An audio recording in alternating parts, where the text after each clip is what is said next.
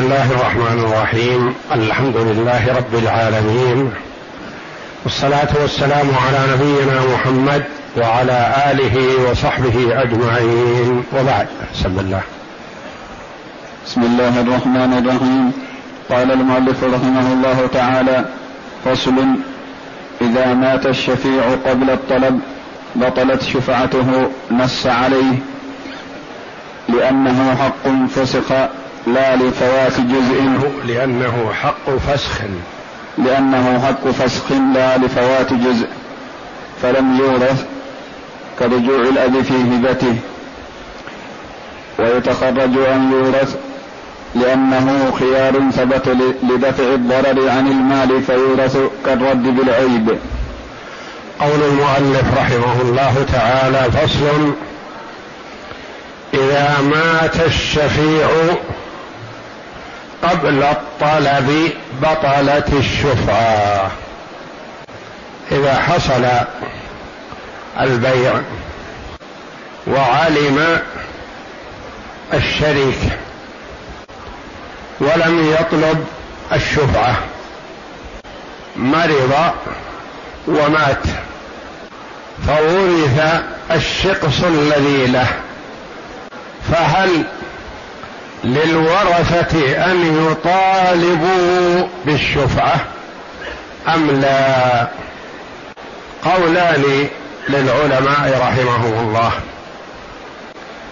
عندنا إذا علم بالبيع ولم يطالب فلا حق لورثته بالشفعة لأن الشفعة حق له. لدفع الضرر. وهو قنع بهذا البيع فلا ضرر عليه فلا شفعة لورثته حينئذ. لما؟ قال المؤلف رحمه الله لأنه حق فسخ وليس لفوات جزء من المال وإنما كأنه يفسخ بيع هذا على هذا ويأخذ المبيع. فهو لا يفوت عليه شيء وإنما هو فسخ لدفع الضرر. يقول أنت بعت على فلان بكذا كأن لسان حاله يقول والا ما يلزم أن يقول شيء. انت بعت على فلان بكذا وأنا متضرر بمشاركة فلان فأنا أفسخ بيعك عليه ويكون البيع لي. وهو يأخذه من المشتري ما يأخذه من البائع. لكنه يأخذه من المشتري يفسخ بيع البايع على المشتري ويأخذه منه. وإلا فلم يفت عليه شيء لأنه قال لا لفوات جزء لو كان شيء يفوت عليه لقلنا يورث عنه. كرجوع الأب في هبته. رجوع الأب في هبته. مثلا الأب أعطى ابنه شيئا ما. ثم بعد العطاء هذا مات.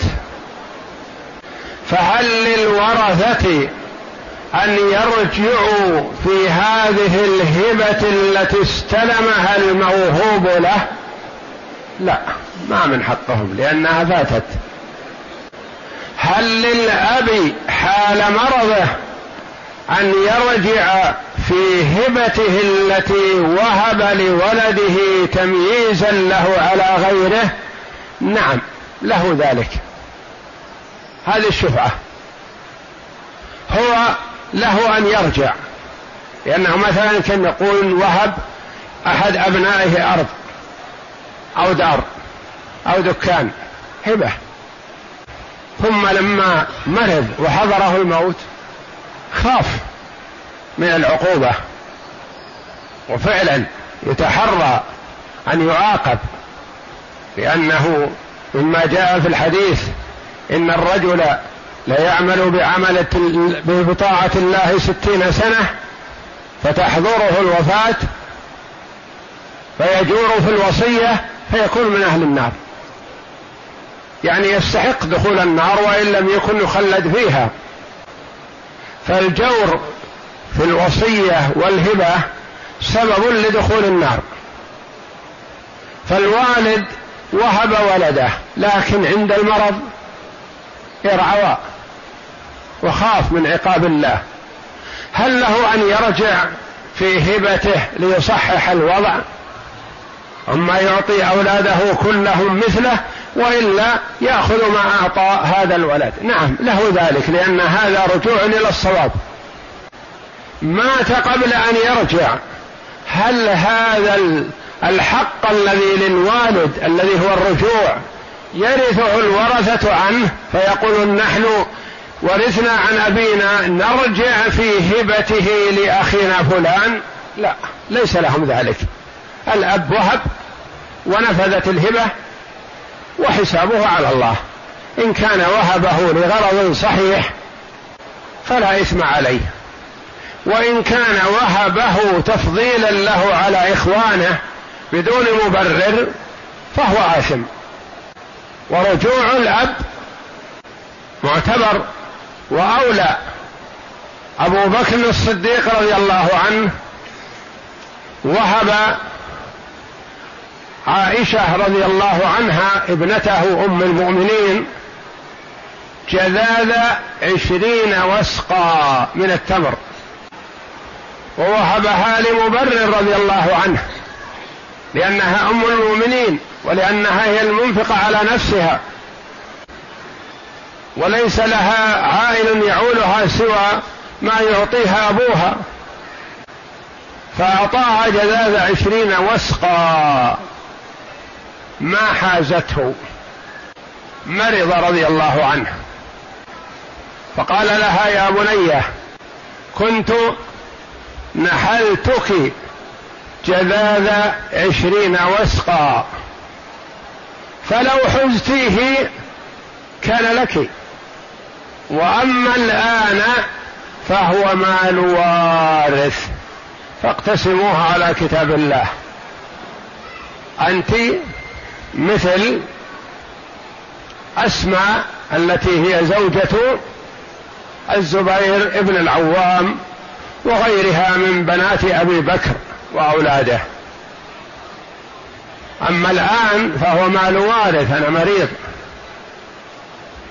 فاقتسموها على كتاب الله. فرجع رضي الله عنه في هبته لعائشة لما أحس بدنو أجله. فالوالد له أن يرجع في هبته لولده سواء كان صحيحا أو مريضا. لكن إذا وهب ومات فهل الورثة يرثون هذا الحق عنه؟ لا ما يرثونه ينفذ. إلا إن كان الولد نفسه أراد أن يبرئ ذمة أبيه ولئلا يوغر صدور إخوانه على أبيه. قال الذي أعطاني أبي أنا أرده على التركة نقتسمه سواء. هذا حسن يعتبر من الولد. لكنه ما يسوغ للأولاد أن يرجعون هم. لكن لو رجع هو أعاد الهبة هذه وقال أقتسمها وإياكم على كتاب الله. يعتبر هذا شك إحسان منه على أبيه وتعديل وتصحيح للخطأ الذي حصل من أبيه. فالشفعة إذا لم يطالب بها المستحق ومات فإنها لا تورث عنه لا يرثها الورثة. ومثل لهذا برجوع الأب في هبته. قال ويتخرج أن يورث لأنه خيار. ثبت لدفع الضرر عن المال فيورث كالرد بالعيب. كل واحد رحمة الله عليه يمثل بشيء يناسب. قال يحتمل يورث. لأن هذا فيه ضرر على الورثة. إذا ما ورثناهم هذا الأب محس أنه مريض ومرضه مخوف. عاد بالموت.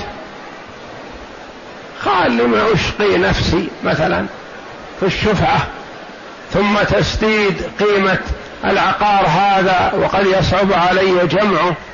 سكت وترك الشفعة وزاهد في المال كله. آل المال إلى الورثة.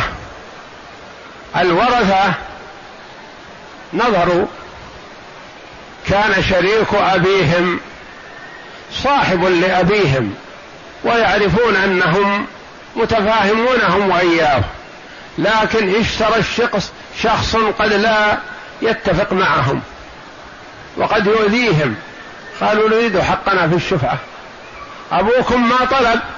نعم أبونا ما طلب لأن البيع تم وهو مريض علم وهو مريض لا نفس له في البيع ولا في الشراء ولا في الشفعة ولا في غيرها. أما الآن هذا سيدخل علينا ويتعبنا ما نتحمله وإنما نطالب أن نسلم منه وندفع المال. وأبونا مريض وقد لا يكون عنده دراهم حاضرة يسدد ونحن الدراهم موجودة والحمد لله. نسدد قيمة الشخص ونأخذه وندخله في عقارنا. وعلينا ضرر من مشاركة هذا الرجل لأنه لو كان صاحب أبينا من قبل قلنا لن يضرنا. لما بينه وبين أبينا من علاقة ومودة لكن هذا جديد. قد يشغلنا فنحن نريد أن نأخذ بالشفعة قال يحتمل هذا. وعلى ماذا تقيسه؟ قال قيسه على الرد بالعيب. الرد بالعيب.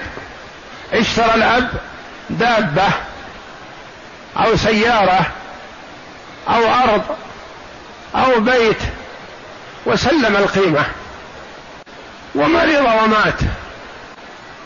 فورثه ورثته. وجاءوا إلى السيارة إلى معيبة فيها عيب قديم.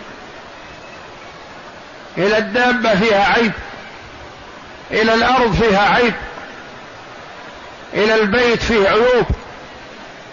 ما صبروا عليه. أليس من حقهم أن يردوه بهذا العيب؟ بلى. قال الشفعة مثل هذا.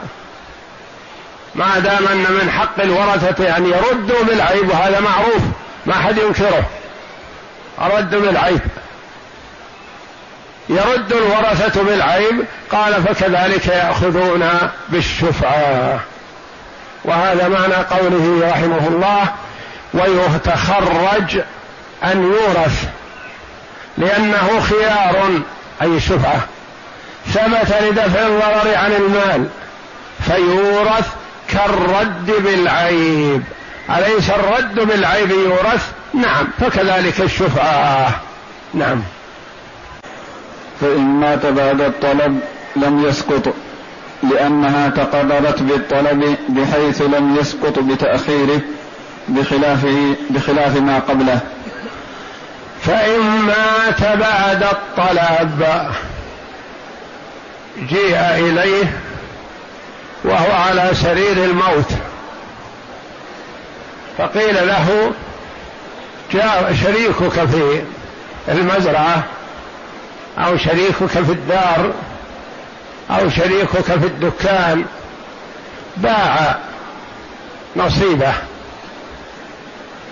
أليس لك رغبة أن تبيع أنت مثله؟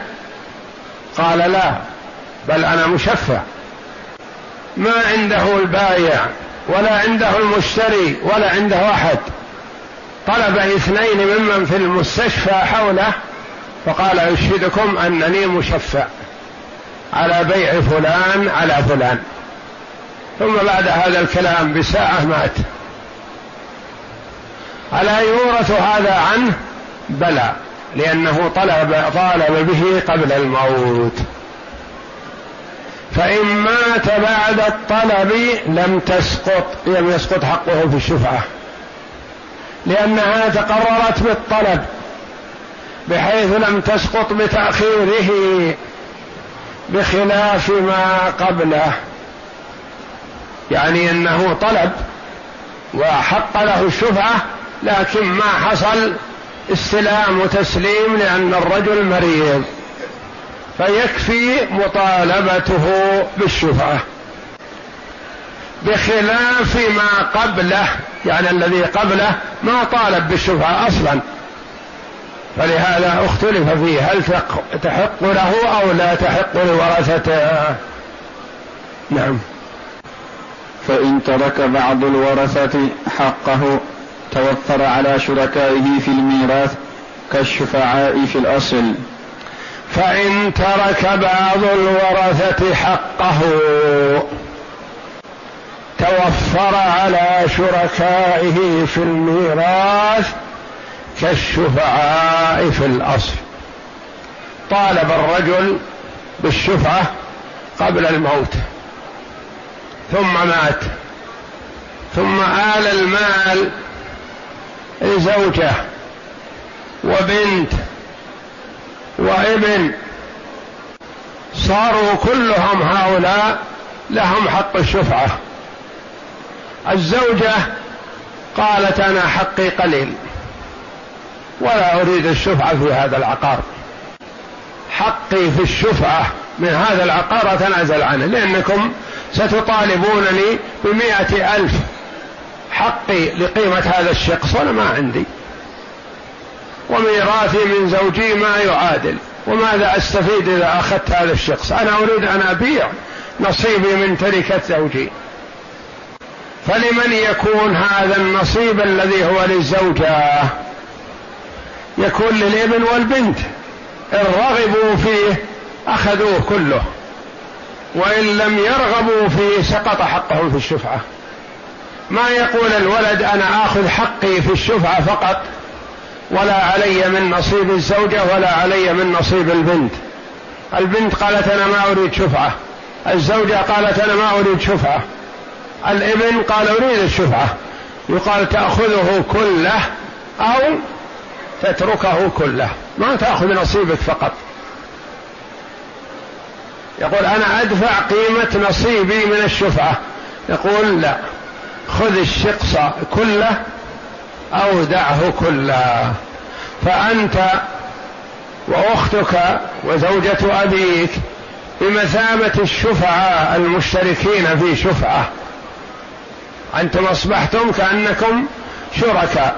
فإما أن تأخذ كل الشخص بكامل القيمة أو تدعه كله. فإن ترك بعض الورثة حقه يعني في الشفعة توفر على شركائه في الميراث. بقي للآخرين فقط. كالشفعاء في الأصل. إذا كانوا شفعاء في الأصل. أربعة شركاء. واحد منهم باع. وثلاثة ما باعوا. لكن اثنين يقولون لا نظر لنا في الشفعة. والثالث يقول أريد شفعة في مقدار حقي. نقول لا. خذ الشقص كله وإلا دعه كله. ما تأخذ بمقدار حقك فقط وشركاؤك لا يريدون شفعة. لو أرادوا أخذوا بمقدار حقوقهم كلهم. لكن واحد يريد واحد ما يريد ثم تتبعض الصفقة على المشتري لا. خذوه كله أو دعوه كله. وكذلك الورثة. نعم. فصل. وإن كان بعض العقار وقفا وبعضه طلقا فبيع الطلق. فذكر القاضي أنه لا شفعة لصاحب الوقف لأن ملكه غير تام فلا يستفيد به ملكا تاما. وقال أبو الخطاب هذا ينبني على الروايتين في ملك الوقف. إن قلنا هو مملوك فلصاحبه الشفعة لأنه يلحقه الضرر من جهة الشريك فأشبه الطلق. وإن قلنا ليس بمملوك فلا شفعة له لعدم ملكه. وإن كان بعض العقار وقفا وبعضه طلقا. الوقف وقف أو وصية أو سبيل أو نحو ذلك. وبعضه طلق. بعضه طلق يعني كان يكون أربعة أولاد أو أربعة شركاء أو أولاد ورثوا هذا البستان من أبيهم. أربعة ورثوا هذا البستان من أبيهم أو ورثوا هذه الدار من أبيهم وهي لهم أربع واحد منهم قال هذا المال ساقه الله إلي ميراثا من أبي بدون كد ولا تعب مني فأنا أوقفه في سبيل الله. نصيبي من هذه الدار وقف على طلبة العلم لشراء الكتب أو شراء الأطعمة أو نحو ذلك. نصيبي من هذه الدار وقفا على المسجد الذي بحيها. نصيبي من أجرة ومن مصالح ينفق على المسجد. نصيبي من هذه الدار وقف على هذه البئر التي سبلها أبي قبل موته وسعى فيها. نصيبي من هذه الدار وقف على الفقراء والمساكين من اقاربي أو الفقراء والمساكين من أبناء المسلمين. صار هذا البستان أو الدار ثلاثة أرباعه طلق. وواحد الربع الرابع وقف. تنازل عنه صاحبه لله. فإذا صار فيه ريع أو أجار الدار أو أجار للدكان قسموه أرباع. ربع تبع الوقف. وثلاثة أرباع كل واحد يأخذ نصيبه. واحد من هؤلاء الثلاثة قال تعبنا في المشاركة هذا وقف وهذا طلق وهذا كذا أنا أريد أبيع نصيبي. فباع أحدهم نصيبه الذي هو الربع. باعه. الإخوة الاثنين يريدون يشفعون.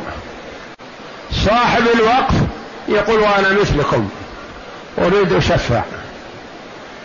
الوقف ربع أنا أريد أجعله ثلث وأدفع نصيب الوقف.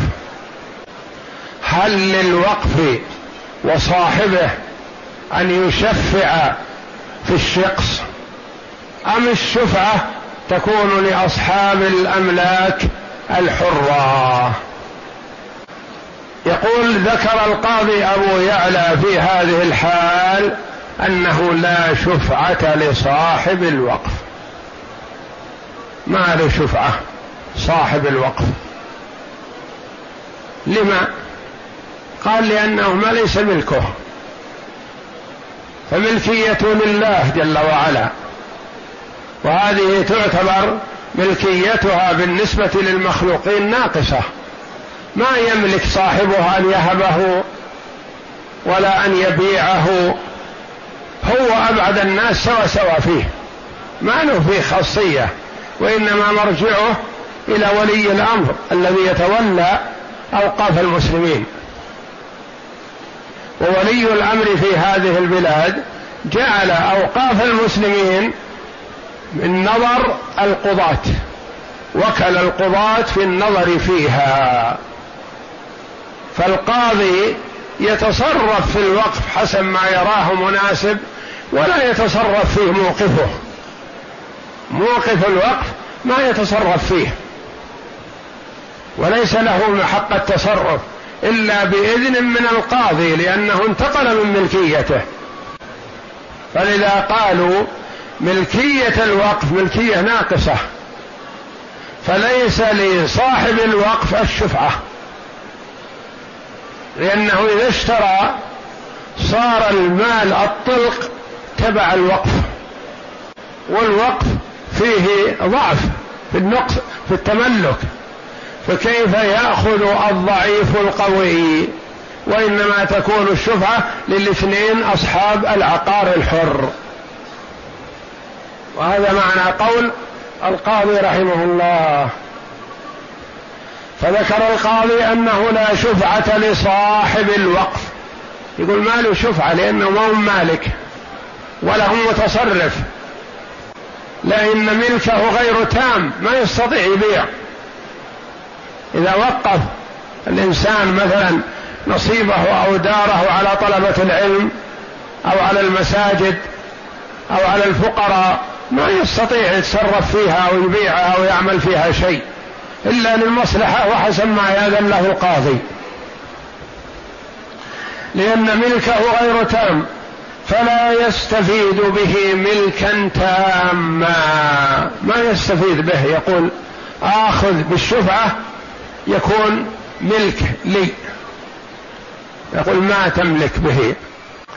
وقال أبو الخطاب من أئمة الحنابلة رحمهم الله هذا ينبني على الروايتين في ملك الوقف. يقول عندنا في المذهب روايتان عن الإمام أحمد هل الوقف يملك أو لا؟ فإن قلنا إنه يملك فله الحق بالأخذ بالشفعة. وإن قلنا لا يملك فليس له الحق الأخذ بالشفعه وإذا وجد روايتان ورجع فيه إلى القاضي وحكم بإحدى الروايتين فحكمه يرفع الخلاف.